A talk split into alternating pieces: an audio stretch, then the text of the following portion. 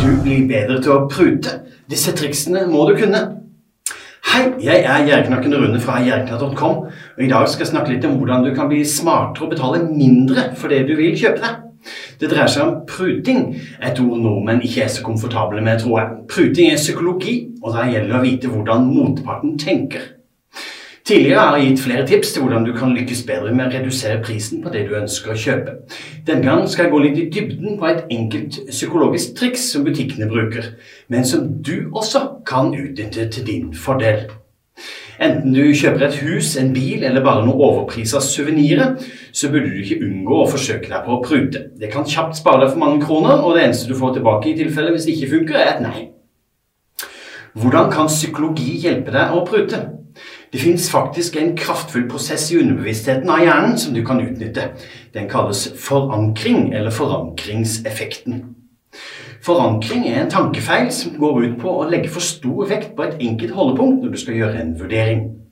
Det høres kanskje vanskelig ut, men la meg gi et eksempel. Hvis du skal kjøpe en bruktbil, er ofte prisen dere forhandler om forankra i den første prisen som nevnes i diskusjonen, altså ikke nødvendigvis den reelle markedsprisen. Generelt kan en si at hjernen legger litt for mye vekt på den første informasjonen som blir gitt.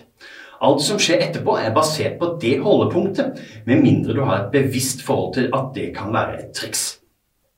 Å ha et holdepunkt er sikkert ofte greit nok, men hva hvis den første informasjonen, f.eks. et prisskilt eller en pris gitt av en selger, er for høy? Forestill deg at du skal kjøpe et par flotte sko. Du sjekker prisskiltet og ser at skoene dessverre koster 3000 lapper. Altfor dyrt, med andre ord. Men i samme øyeblikket kommer en selger og forteller at prisen er satt ned til halvparten. Det høres ut som et supert tilbud, og du blir frista til å akseptere dealen.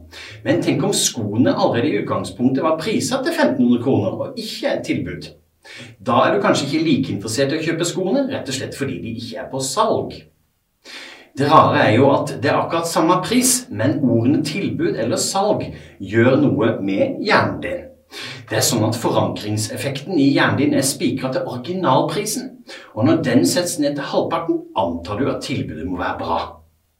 Butikker vet godt om denne effekten og er flinke til å utnytte den for å øke salget. Effekten er kraftfull og nesten uunngåelig. Poenget er å lure deg til å kjøpe varen. I et eksperiment reklamerte et supermarked med et tilbud som ga 10% rabatt på suppeposer, men skrev en begrensning på kun 12 per kunde. Du hadde kanskje ikke tenkt å kjøpe tolv poser uansett, men det var heller ikke poenget til supermarkedet. Poenget var å spikre tallet tolv i hjernen din. Og faktisk, med en begrensning på tolv poser per kunde, førte det til at folk kjøpte sju poser istedenfor. Uten begrensninger på tolv kjøpte folk i snitt bare tre-fire. Så hvordan kan du bruke forankringseffekten når du skal prute? Her får du noen kjappe triks som gjør deg til sjefen i forhandlingsprosessen. Tips 1. Kom med det første pristilbudet som du kan tenke deg å betale, før selgeren gjør det. Undersøkelser viser at du alltid kommer bedre ut av det dersom du er den første til å nevne en akseptabel pris. Dette innebærer selvsagt at du har tilegnet deg informasjon før du oppsøker butikken. Hvor mye koster sammenlignbare produkter andre steder? Hvor mye er produktet verdt for deg? Selvfølgelig må du ikke overdrive eller underdrive. Er du helt urimelig i ditt første tilbud, kommer du ingen vei.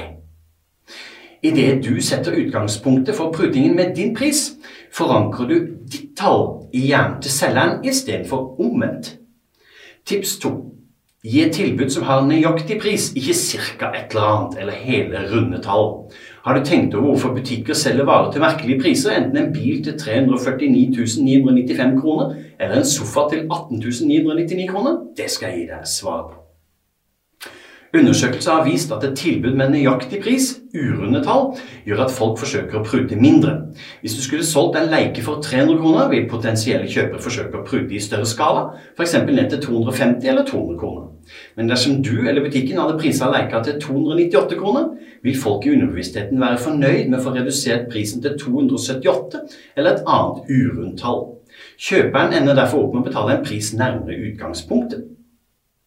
Det beste utgangspunktet for en vellykka pruting er derfor å nevne et tall som ikke er rundt, selv om du kanskje ikke antar at det har noe å si. Neste gang du skal prute, bør du huske på forankringseffekten. Den kan redde deg fra å betale mer enn du strengt tatt vil eller må. Takk for meg. Dersom du likte dette innlegget, håper jeg du har lyst til å ta en titt på nettsida mi, jerriknatt.com, og ellers følg meg på sosiale medier som YouTube, Facebook, Snapchat og Instagram.